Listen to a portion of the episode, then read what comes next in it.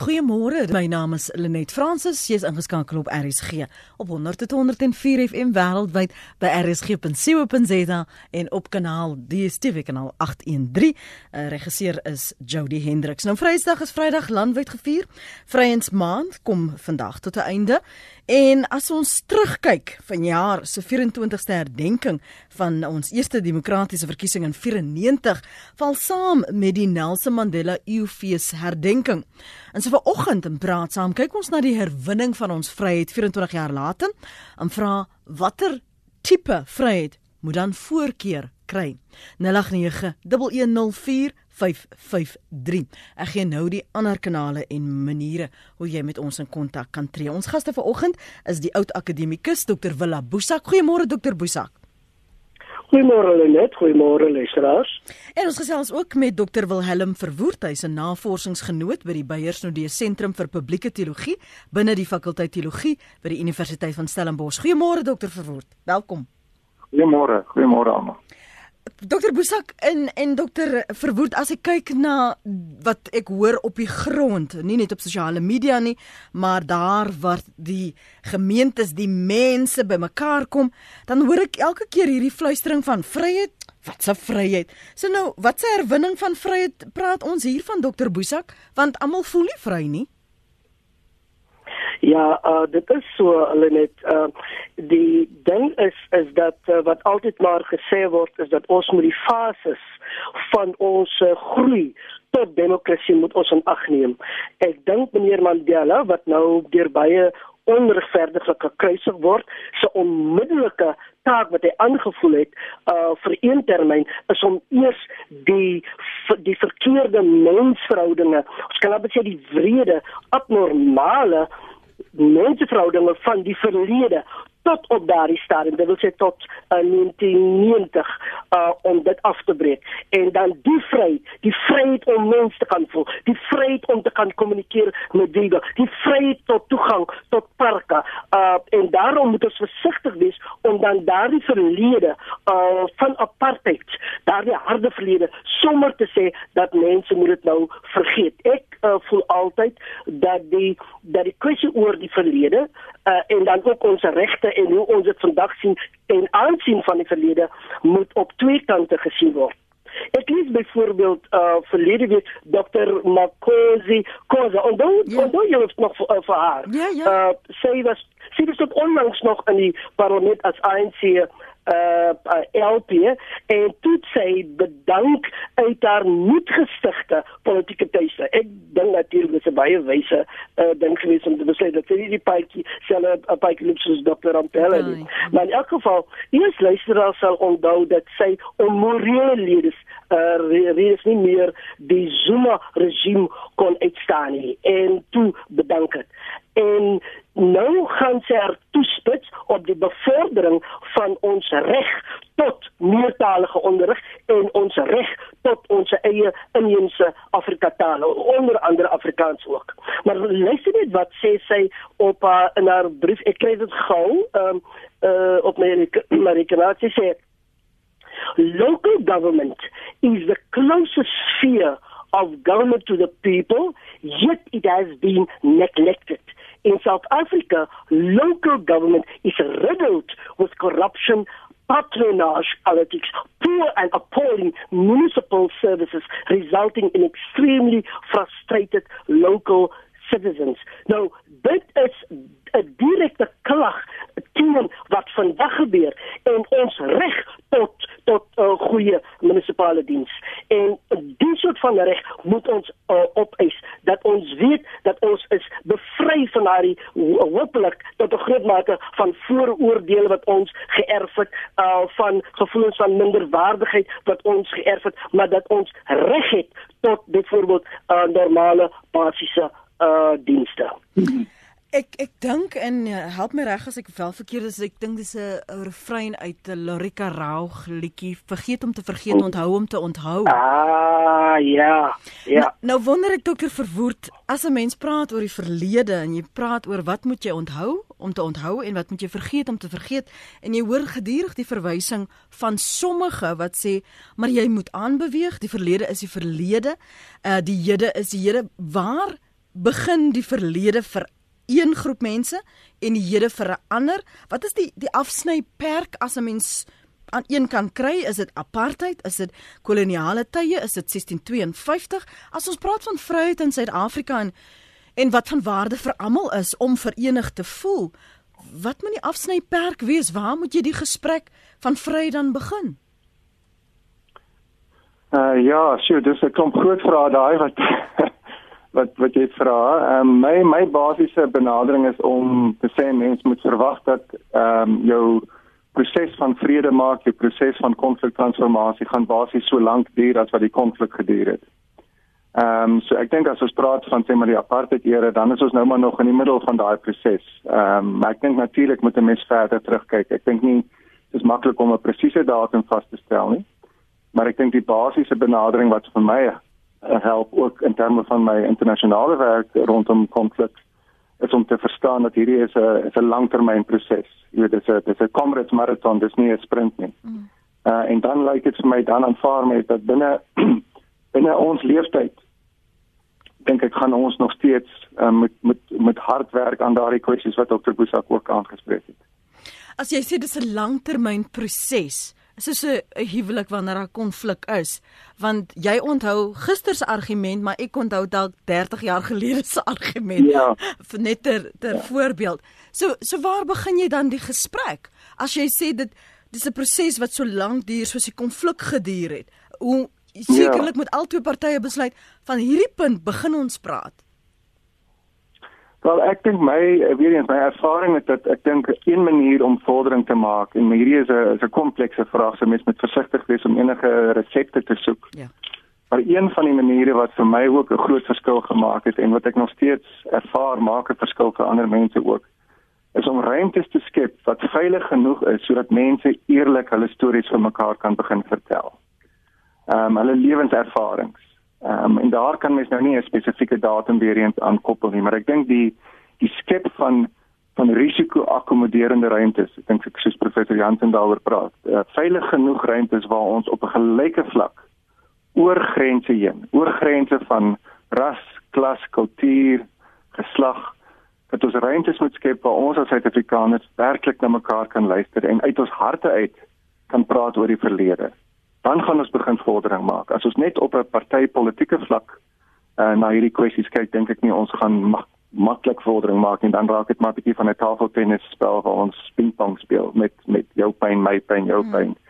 Ehm um, ek dink as ons as ons uh, vanuit 'n fasiliteeringsperspektief wat nou my benadering is, mm.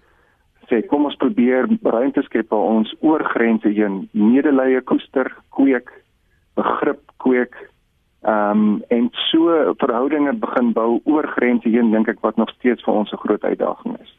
Dr. Boesak het net gepraat van das fases van ons gesond word as en ware waar, waar ja. bevind Suid-Afrika nou vir ons in hierdie fase van vryheid? Soos ek mense se gevoelens uh, verstaan as hulle reg lees is dat hulle sê ja ons is dankbaar vir die politieke vryheid. Nie oor die basis dinge die reg om te stem wat ons nooit gehad het ons as aan wat die on, on die ontvangs kan was van uh, apartheid uh, uh, en byvoorbeeld nie kon stem nie of vir in vroeë jare as bruin mense byvoorbeeld op beperkte stem gehad het met 'n klomp voorwaardes maar ons dan dat ons uh, dat ons dus nou in 'n ander fase is met ander woorde dat ons dit nou begin aanvaar die politieke vryhede wat ons uh, geniet maar dat ons nou definitief moet begin uh, aandag gee en baie meer konsentreer op ons ook ekonomiese vryheid. Soos wat uh, jammer om nou maar 'n Christelike voorbeeld te doen maar dit is nie 'n oulike voorbeeld waar Jesus sê vir sy disippels ek kan net sien hoe kyk dat die happy hulle gaan ek moet sê vir die mense bekeer bekeer maar die maar die mense staan gee hulle iets om te eet en die mense wat nie uh, klere het gee hulle iets om aan te trek sê die basiese ding eers so met ander woorde ja julle is so vry uh, as Christene of as navolgers maar wat van die die tweede fase daarvan met ander woorde na die bewustheid na daardie uh, belewing van 'n nuwe vryheid as 'n politieke wese maar wat van die sosiale ekonomiese uh omstandighede. Nou laat ek gou teruggaan na wat Dr. Koze sê. Baie dankie vir vir Willem. Ons ons is amper uh, naamgenote. Sit hy die Hollandse weergawe van Willem uh wat ek het, maar baie dankie ook uh, dat ons op dieselfde bladsy is. Maar as ons sien wat uh, Dr. Koze impliseer uh, is dat uh, om terug te gaan na haar voorbeeld toe is dat dysfunksionele munisip, uh, munisipaliteite het vandag die die dysfunksionaliteit van ons van ons munisipaliteit het niks met apartheid te maak nie. Uh, maar met lui korrupte amptenare vandag. Hmm. en dit is dan wanneer ons ons smaaklike stereotypes begin gebruik soos hulle is almal barbare. Almal So ek sien dis 'n uh, ander sy van die kwessie. Uh iemand het uh, eendag gesê die toekoms lyk rooskleurig, maar dis die verlede wat dinge so beduiwel. En daarin lê groot waarheid uh, uh luisteraars. Voordat ons te maklik sê soos wat uh, Dr. Verwoerd ook nou uh, uh aan aangeraak het.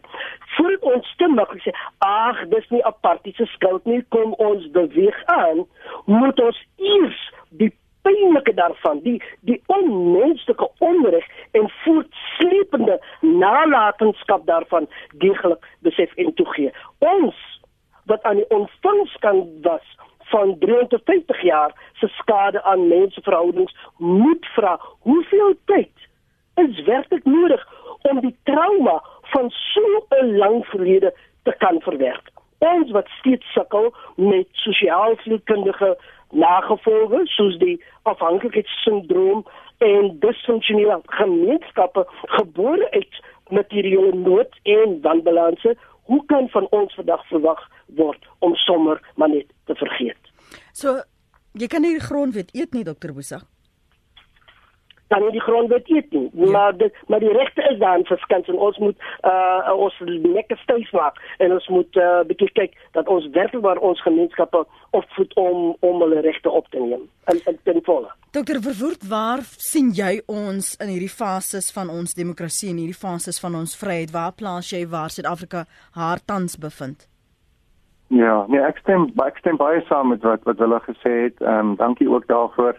Ek dink veral vir mense vanuit my agtergrond, uh, Afrikaanse wit middelklas uh, agtergrond. Ek dink ons moet met groot meerderheid luister na wat mense soos Dr. Bosak sê en ons ander landgenote vanuit ander ervarings. Um, ek vind dit wels ook in my sê maar vriendekring of in my woonbuurt waar ek is dat mense nogal geneig is, mense vanuit my agtergrond nogal geneig is om om te sê dit is nou al 24 jaar, jy weet, dit is tyd dat ons met ander beweeg, maar ek voel ons het nog baie werk om te doen om werklik te verstaan wat ons geskiedenis is, om werklike behoorlike diagnose te kry sodat ons op die ount as ons kyk na oplossings dat ons ook met realistiese verwagtinge met die goed werk en dit wat wat my betref die groot uh, teenkant van vryheid is verantwoordelikheid. Um, ek dink nie ons kan regtig veral as wit Afrikaanse middelklas mense ehm um, Christene ons kan nie praat van vryheid dink ek uh, en ons vryheid self sonder om werklik ook te praat oor ons verantwoordelikheid. En dit voel vir my dat die fase waarin ons nou is is dit van die jonger mense veral van die jonger swart suid-afrikaners swart en bruin dat hulle vir ons uitdaag as ouer mense om te sê maar wat wat doen julle met hierdie vryheid? Wat doen julle met hierdie geskenk wat julle gekry het in 1994 om 'n relatief vredesame stabiele politieke stelsel te hê? Maar wat doen ons nou met ons voorregte met ons welvaart, met ons vaardighede.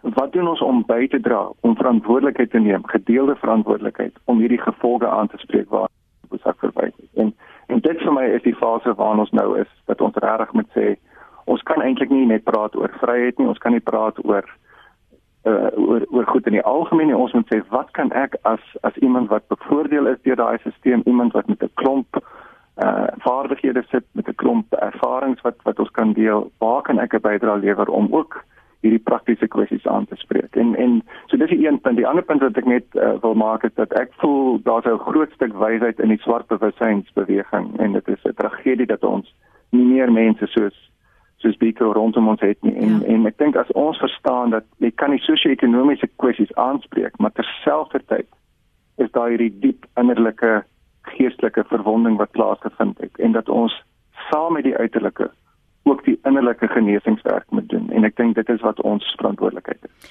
Hoe hoe hoe begin jy in fasiliteer daai ruimtes dan ehm um, dokter Verwoerd wanneer jy nog nie eens by 'n punt gekom het waar jy jou eie bevoordeling erken nie. Ja. Want verantwoordelikheid ja, kan nie kom met 'n erkenning dat ek 'n aandeel daaraan gehad het of dan my geslagte of dat ek dalk laat gebore is maar dat ek die voordeel van hy van hy bevoordeling nog steeds maak nie.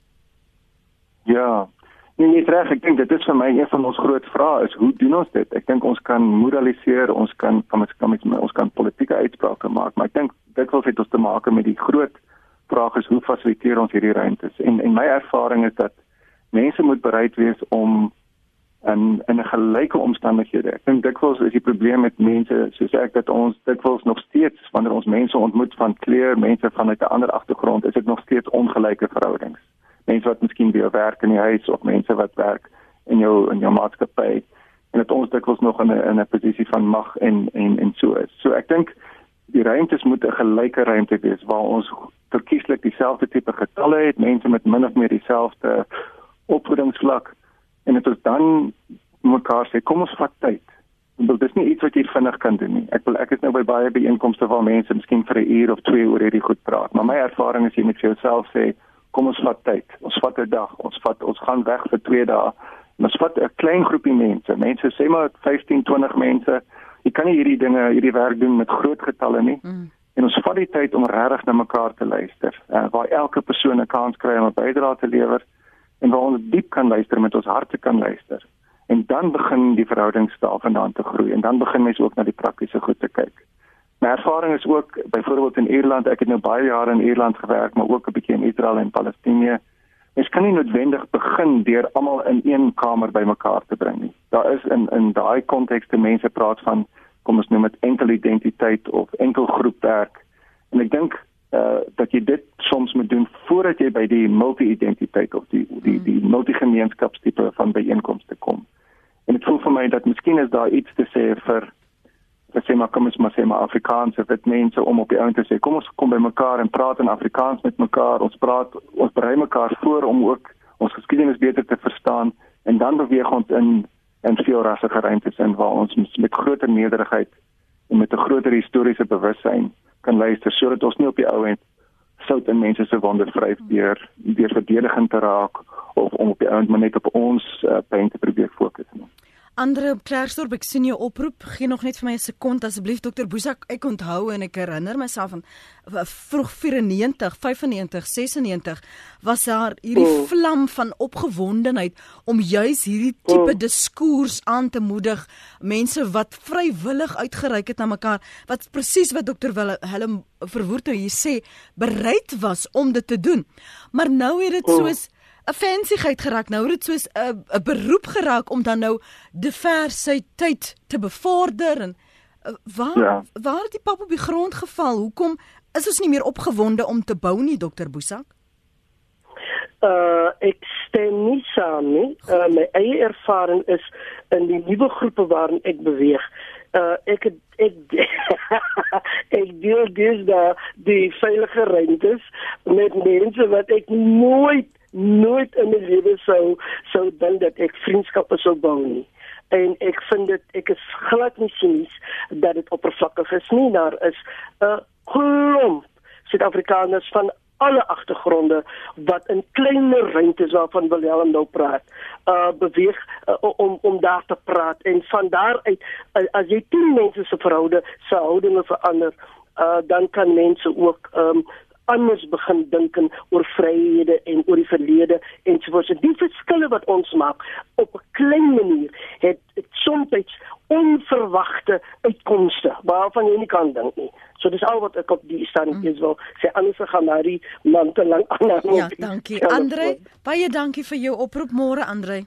Goeiemôre man. Ek wil net net my mening lig. Ek luister nou na die verwonding oor 350 jaar wat dokter Woesak van praat. Uh, die teenverwonding met black empowerment regstellende aksie. Dit is mos nou 'n uh, 'n uh, dit vir dit. Met ander woorde, dit wat nou ons nou gelei het, moet die blankes nou lei vir hoeveel jaar met 'n uh, uh, swart bemagtiging. Is in 24 jaar swart bemagtiging nog nie iets bereik het nie. Hoeveel jaar gaan dit 350 jaar vat voordat swart bemagtiging dan tot op 'n einde kom? En dan wil ek net sê as apartheid dan nou so 'n verskriklikheid was, slaan die blanke dan nou met, met apartheid. Gee ons ons eie skole, gee ons ons eie universiteite. Slaan ons met apartheid sodat ons dan nou kan voel wat so vreeslikheid was hierdie apartheid gewees. Dan kan ons mos nou uh uh, uh die die pad na herstel loop. Slaan ons dan nou met die volle krag van apartheid. Want om om ons te met black empowerment in ons wit kinders en ons wit mense uit werk uit te sit deur dat black empowerment wat is dit nou dit is mos nou dit vir dit met ander woorde jy ma jy maak mos nou nie 'n ding reg met 'n verkeerd nie as as dit dan nou so verkeerd was hoekom dan nou weer die verkeerde doen? Voel jy vandag vry in Suid-Afrika Andre? Nee glad nie. Glad nie. Gaan kyk na die huise. Ons bly in tronke. As die ANC in 24 jaar nog nie het kom ek stel dit so die ANC het hulle self bewys vir ons in hierdie afgelope 24 jaar dat hulle nie kan nie. As jy vra wat kan hulle nie? Hulle kan nie onderhoud doen nie hulle kan nie administreer nie hulle kan nie regeer nie dit is bewys oor en oor en oor en enige iemand wat daarmee verskil lewe in 'n droomwêreld Dankie vir jou oproep Andrei. Mooi dag vir jou daar op Klerksdorp. En Sydney Opperman skryf hier: "Die diep emosionele verwonding moet aangespreek word. Daar is 'n stinkende klank wat moet uit." Dis praat saam op RSG met my Lenet Fransis. Ons kyk vanoggend na die herwinning van ons vryheid 24 jaar later, aan watter tipe vryheid dan moet voorkeur kry. Ons gaste vanoggend is Dr Wilhelm Verwoerd.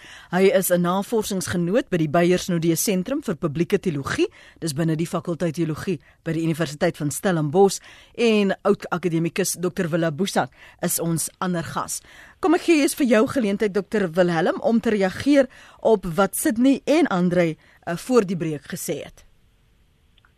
Ja, nee, ek moet sê dit is uh, nogal pynlik om te luister na wat ander gesê het. Ek bedoel ek is jammer dat ons nou nie van aangesig tot aangesig hierdie gesprek kan voortsit nie, want my ervaring is ook dat mense nie veel gaan bereik met 'n met 'n vinnige reaksie nie, maar wat ek wat ek wel wil sê is dat ek dink dit dit bevestig die uitdaging wat ek dink ons het is dat ons moet ruimte skep waar mense mekaar diep kan hoor En en ek dink die die uitdaging is om op die ount te sê maar hoe hoe kan ons ruimte skep ook vir mense wat voel soos Andre om te kan praat oor wat hulle ervarings is, maar dat dit nie op die ount op die ount voel soos sout wat in mense se wonde gevry word nie. Dat dit nie voel soos 'n gebrek aan historiese erkenning en begrip vir wat die diep wortels van hierdie probleme is nie. Want ek dink my basiese hartseer, een van my groot frustrasies met hierdie dekade wat ons die laaste tyd gehad het met die Zuma regering is dat dit op die ouend so 'n gemaklike verskoning bied, mm. so 'n uh, uh, geleentheid bied veral vir mense van my agtergrond om te wys op alles wat fout is met die huidige bestel. En dat ons in die proses dit gebruik om nie werklik ook te fokus op die diep wortels van hierdie probleme nie. So natuurlik is daar probleme met die manier hoe dat uh die bewagtingsbeleid uitgevoer word. Daar's 'n klomp ander probleme waarna mense natuurlik moet verwys. Maar ek dink vir mense vanuit my agtergrond en mense wat sistematies oor geslagte heen toegang gekry het tot grond, toegang gekry het tot goeie opvoeding, toegang tot goeie gesondheid, tot tot behuising, tot ek wil ons die lys is so lank van waar ons gewoon op grond van die kleur van ons vel het ons al hierdie voordele gekry.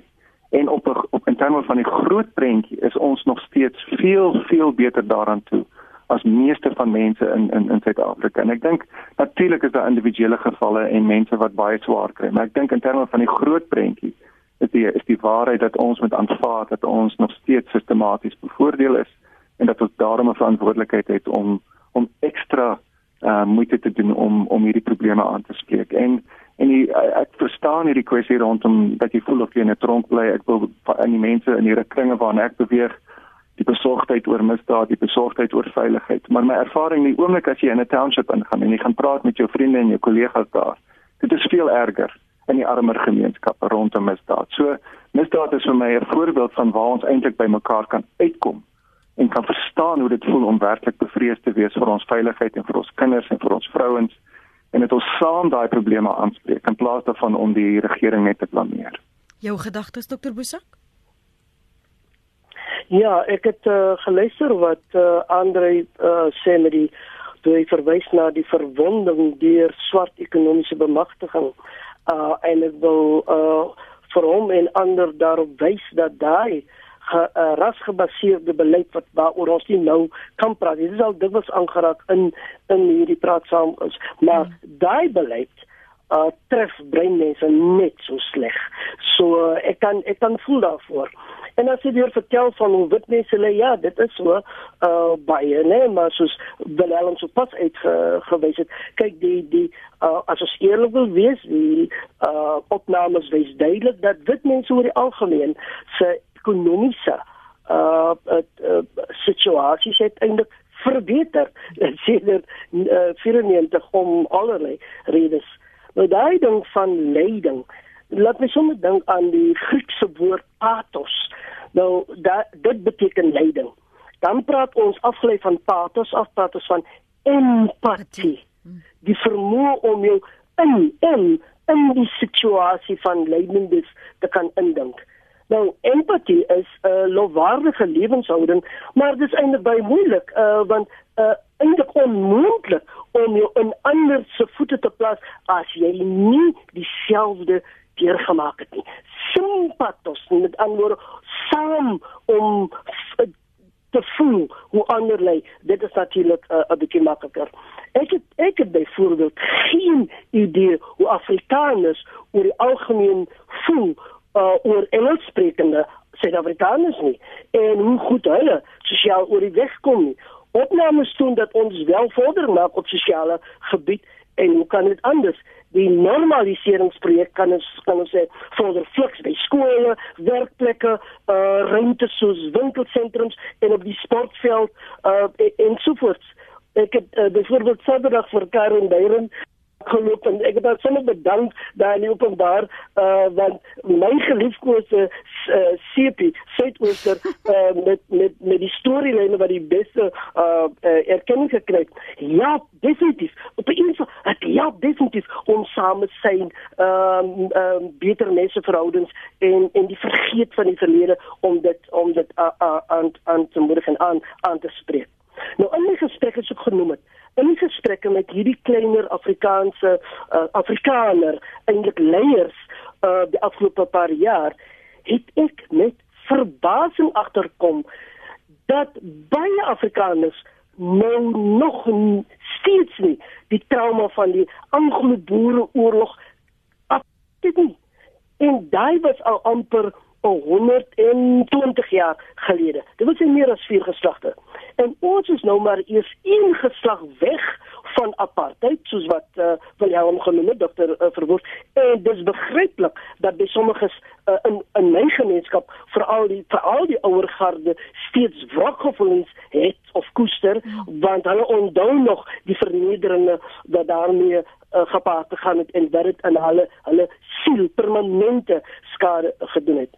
Dit laat my dink aan die Nederlandse teoloog E.L. Smeelik wat tydens die Nazi uh, besetting van sy land het hy 'n boek ges geskryf wat die verskil uh teken tussen vergelding en wraak. En wraak het te doen met wanneer jy die wet in jou eie hande neem uh en dan vir jou dit uh toe eien om dit toe te pas. Maar vergelding is 'n regsproses.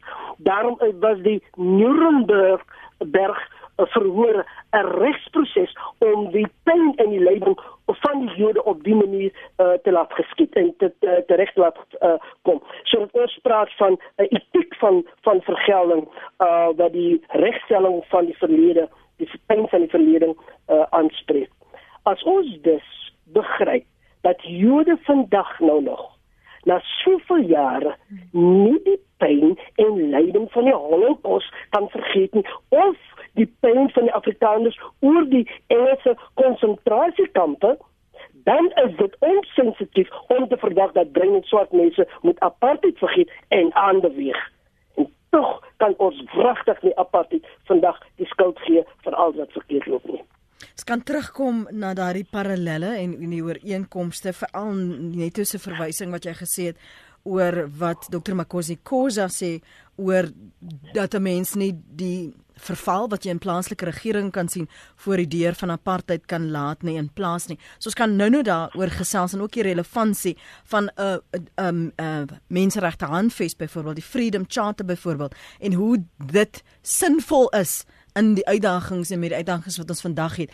Teresa baie dankie vir jou oproep. Goed om van jou te hoor môre. Môre. Weet jy, ehm um, ek luister nou na die gesprek en en dit het heel eers te begin by waar jy reg gesê van reg wat moet ons vergeet en wat moet ons onthou. Dan dink ek onmiddellik aan die Tweede Wêreldoorlog en hoe daar nog soveel jaar later gereeld herinnering ehm um, geskep word aan wat daar gebeur het sodat ons nooit sal vergeet wat se tipe vergrype daar kan wees as ons nie die checks and balances in plek het nie. So daar's baie goed wat ons nog vir 'n baie lang tyd gaan moet onthou. Dan is dink ek aan twee ehm um, aanhalings. Ek kon nie die een vind nie, maar dit gaan die eerste ene het gegaan oor ons het so lank beklei vir die vryheid om te kan stem dat ons vergeet het dat ons nog altyd die vryheid gehad het om te kan dink. En die tweede aanhaling is freedom of speech and freedom of action are meaningless without the freedom to think. En ek dink hmm. dit is ongelooflik belangrik in die opbou van Suid-Afrika. Ek luister, ek het gehoor wat die vorige inbeller gesê het en ek verstaan sy situasie en ek verstaan die frustrasie wat daarmee gepaard gaan. Maar ek beweeg baie gereeld in gebiede waar daar een broodwinner is vir 20 mense waar hulle met twee sakke meel in 'n maand moet uitkom. En ek kan nooit ek verstaan nie die woord empatie nie. Dit maak nie vir my sin nie. Want ek kan nie vir my in daardie mense se skoene plaas nie. Dit is absoluut onmoontlik. Maar ek kan hulle frustrasie verstaan en ek kan verstaan dat hulle nie daar wil wees nie. Dit is nie hulle keuse nie.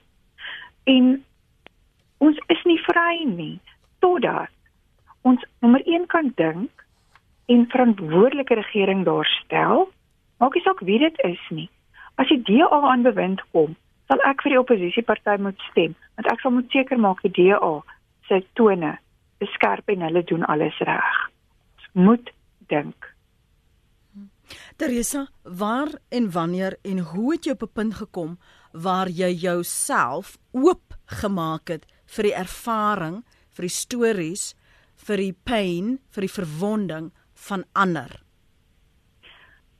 Ek dink 'n gedeelte daarvan is ook groot gemaak. So ek ek het relatiewe liberale ouers gehad. Ons het gay vriende gehad toe gay nog happy beteken het. en ehm um, ek dink net dan is dit natuurlik ook maar jou persoonlikheid. So ek het 'n hart vir mense. En weet jy ek sal nooit vergeet nie. Ek ek het met iemand uitgegaan en en ons kon waarskynlik getrou het en ons het een oggend as studente by sy ouers se huis om 'n tafel gesit ons was besig om ontbyt te eet en dit was voor 94 gewees en hy het 'n velde getrek en gesê moet hy nou vir die res van sy lewe vir ander mense se skuld betaal? En hy het nie die punt gesien nie en ek was woedend geweest.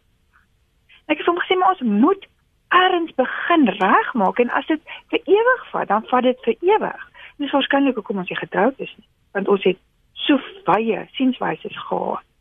Maar ek dink toe ek begin inbeweeg het, die grootste kopskuif het gekom, toe ek begin inbeweeg het en gesien het hoe mense leef. En ek net waargeneem het wat om my aangaan en nie net gefokus het op my klein lewetjie en my klein ehm um, wêreldjie nie. Teresa baie dankie dat jy altyd deelneem en dat jy jou ervaring en sienswyse met ons luisteraars deel. Een van ons luisteraars Teresa daar in die kamp. Jy's baie welkom om te reageer. As jy ietwat laat by ons aangesluit het, ons praat oor die herwinning van ons vryheid 24 jaar later, waar ons probeer sin maak van watter tipe vryheid moet dan nou voorkeur kry. Dr Willa Boesak is 'n oud akademikus en Dr Wilhelm Verwoerd is 'n navorsingsgenoot by die Beyersnodee Sentrum vir Publieke Teologie daar by die Universiteit van Stellenbosch. En jy het nou 'n uh, idee gekry van wat ons luisteraar skryf. Een Jamie, ek hoop ek of Yami, hoe jy dit ook al uitspreek, vergewe my. Met mense soos Julius Malema wat haatspraak aanwakker en opstook kry, sal daar nooit vryheid wees nie. Rita sê na die Anglo-Boereoorlog is daar opgebou en daar's nie afgebreek nie. En nog een sê, ehm um, waar is dit in Boesak wag in 1976 kry Transkei onafhanklik en met ander woorde vryheid. Wat doen hulle daarmee? Net mooi niks. No man is free who is not master of himself. Um die naam ontgaan my nou van wat wie die persoon is. Dis Sicily is dit Sicily nee kies jammer dis nie Sicily wat dit geskryf het nie. Kom ons keer terug na ons gaste en en wat julle sê en dokter Boesak ek wil jy moet aanraak aan in Teresa se ervaring maar ook jy het verwys na die vervreemding as en ware wat ingetree het wat dokter Makosi Kosa na verwys het omdat mense nie dienslewering kry nie omdat mense ontnigter is met wat beloof is en wat werklikheid is um selfs in die Freedom Charter van destyds wat wat mense voel dit is dit is nie lewendig nie man ek, ek kan nie daarmee identifiseer nie in waar dit ons nou bring dat daardie tipe vervreemding dink mense dit is wat in die pad staan van versoening. Ja, uh, ek wil ek het mooi gelees wat Teresa uh, ge, uh, gesê het net en dit is heeltemal uh, waar wat jy dit uh, soos jy aanhaal. Dat jy iets anders genoem in haar eerste aflewering naamlik gepraat oor checks and balances. En ek moet sê dis jammer dat van ons indellers en die wat skrywe vergeet uh, van om iets om om die ander kant te sien. Uh jy weet so gou om net die een kant te verdedig en dan op 'n stereotype manier te praat oor die pyn van ander. En en nie kan sien dat ons moet leef met kompromie ons moet leef met waar ons moet eerlik kyk waar ons regte van ons uh, weggeneem word vandag of nie weggeneem is nie. Dit is alles daar in die konstitusie in die grondwet maar dit word nie toegepas nie. En dan moet ons eerlikwaar uh, die huidige regering of wie ook al uh, is, dit hulle duidelik sê julle is op die verkeerde verkeerde pad, jy is korrup en dit kan, maar jy kan nie dan net 'n afskeidpunt maak dat na 94 het dinge net skief geloop en kyk hoe ondankbaar is hulle vandag. Daai so tipiese koloniale taal wat regtig nie pas by die idee van checks and balances, 'n gebalanseerde uh, lewe nie kom, ek noem gou liewes twee persoonlike uh voorbeelde dan verstaan baie van ons dit beter in terme van hoe om 'n gesonde lewenshouding te kweek ten aansien van 'n uiters pynlike verlede. Dat wil sê ons vergeet nie die verlede nie, maar hoe moet ons op 'n manier vorentoe beweeg terwyl ons die pynlike van die verlede of dit nou die Jode is, of vir Afrikaners of vir swart en bruin mense, so, maak nou nie saak nie, maar dit ons diepend uh, probeer stel. Uh die eerste persoonlike voorbeeld wat ek uh, gou wil noem, is my suster, uh, Sophie hier in Blackie waar ek inwoon. Nou haar oudste dogter, Debbie, is op 18 jarige leeftyd wreed vermoor hier naby ons in in Blackie uh en en haar en en die uh uh mense wat dit gedoen het aan haar hierdie jong bendelede wat dit haar uh, aangedoen het het toe haar liggaam op 'n treinspoor gelê. En Debbie was in matriek. Nou daarom het ek gepraat van die verskil tussen empatie pathos wat jy in kan en net mense wat 'n familielid op so 'n gewelddadige manier verloor het sal my suster en haar oorlewende uh jonger kind uh dogter se pyn kan verstaan. Nou hulle verlies is nou al 20 jaar oud. Maar sal tyd dit werklik kan verlig? Ek ek dink nie so nie. My suster het egter nou nou luister. My suster het egter nie 'n huisaltaar vir Debbie gebou nie wat seker op sigself nie verkeerd is nie want mense verwerk pyn en verlies op verskillende maniere. Sy vul haar lewe met sosiale aktiwiteite soos koorsang, die klub vir senior burgers, selfs die kerk bied 'n besige sosiale en genesende ruimte. Sy vergeet nie die pynlike verlede nie, maar die lewe gaan aan. Sy het ook hierdie gruwelverhaal van haar in 'n boek vol soortgelyke ver, uh, verhale laat publiseer en dit was ook vir haar uh, terapeuties. Maar die tweede voorbeeld is is ons geliefde oud president Nelson Mandela wat ons weer vanjaar uh, vier. Ons moet vergeet die dag in 1995 by die finale deur die wedstryd toe hy 'n kapteins uh, uh, 'n kapteinstryd opgedag het nie. En dit was simbolies van iets groter. Dit was nie 'n offshore besigheid gewees nie.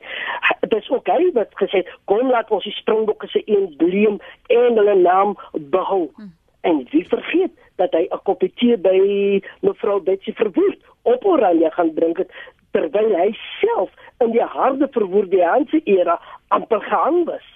Wie vergeet, dit was hy wat in sy presidentskap uh tyd van presidentskap die waarheids- en versoeningskommissie in die lewe geroep het, jy sodat beide slag beide slag sien checks and balances beide slagoffers en hul oortreders geleentheid gebied word om die pynlike verlede te kan verwerk.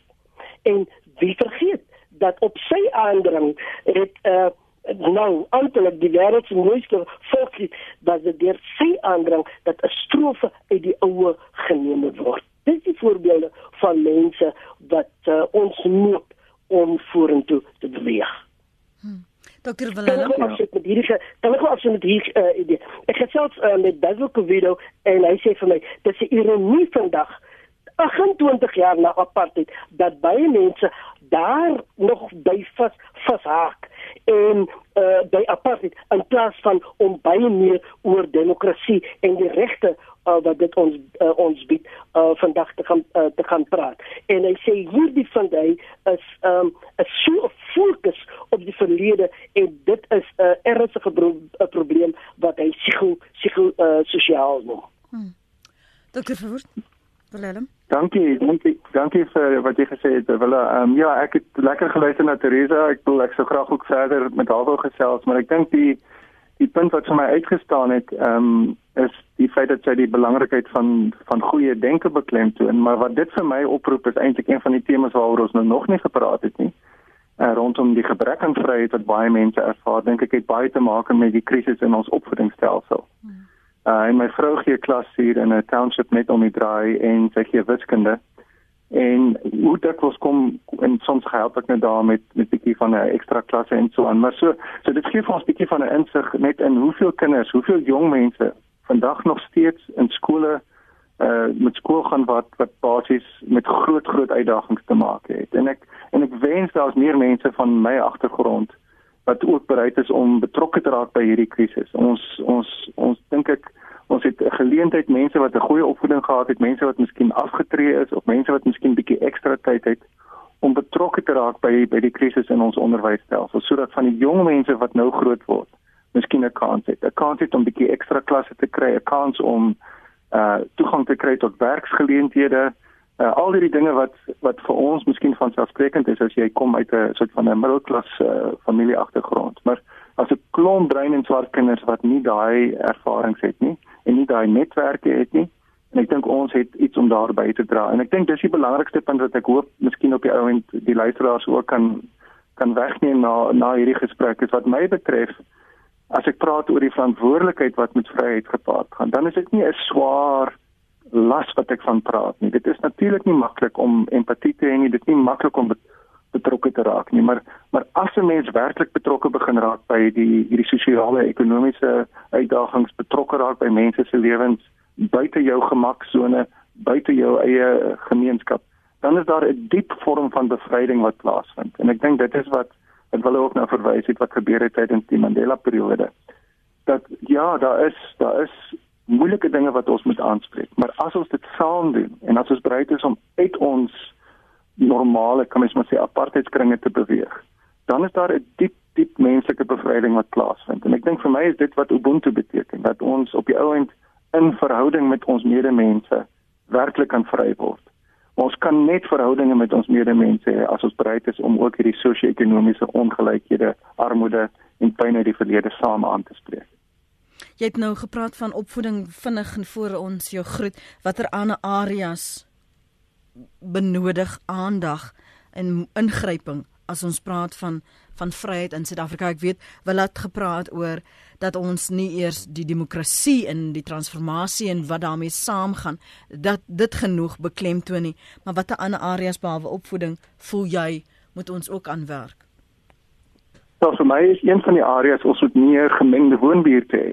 Ons bly hier in 'n in 'n gemengde woonbuurt net buite Stellenbosch waar ons oor ras en kultuur en klasgrense probeer saamleef. So die apartheid wat nog steeds in ons woonbuurte is en wat dan oorspoel in ons vriendskapskringe en in ons manier van kyk na die wêreld. Dink ek is een van die groot uitdagings en daar het die plaaslike regerings ook 'n groot verantwoordelikheid om in terme van behuising te gaan kyk na hoe kan ons doelbewus geleenthede skep vir mense om ook saam te leef sodat jy in jou alledaagse omgang ook vriende en bure kan hê wat oor grense heen gaan. So dis vir my persoonlik een van die groot praktiese maniere hoe ons van hierdie issues kan aanspreek waarmee ons sit. En dan kan ek net sê ek dink die die die uh, aanleer van van veral 'n taal van van buite jou spesifieke um, kultuuragtergrond dink ek is vir my ook een van die praktiese maniere hoe ons op 'n dieper vlak by mekaar kan uitkom. En dan veral deur die kerke heen en geloofsgemeenskappe heen, dink ek moet ons as ware 'n nuwe waarheid en versonings uh periode ingaan waar ons gaan sê maar kom ons gaan sit en probeer reg verstaan wat het gebeur in Suid-Afrika want ek dink die WVK het maar net gekyk na enkele van die uh, menseregte skendings. Hmm. Maar ek dink nie ons het nog reg besef hoe sistematies en hoe kompleks hierdie hele verlede was nie sodat ons saam hierdie dinge kan aanspreek. Baie dankie vir julle beskikbaarheid en julle insigte vanoggend op praat saam Dr. Wilhelm Verwoerd en Dr. Wille Boesak. Waardeer dit ten sterkste. Weet jy my hoe ek dit kan waardeer julle, maar baie dankie. As jy weer na ons program wil wil luister, gaan gerus. Ek dit maal wat hulle sê nog in my kop, skus. Uh, en dis hoekom ek eh, 'n uh, vassteek daar gaan gerus na ons webblad by rsg.co.za. Dis 'n gesprek wat ek wil weer wil beluister. Ek gaan die pot gooi sommer self aflaai uh, by www.rsg.co.za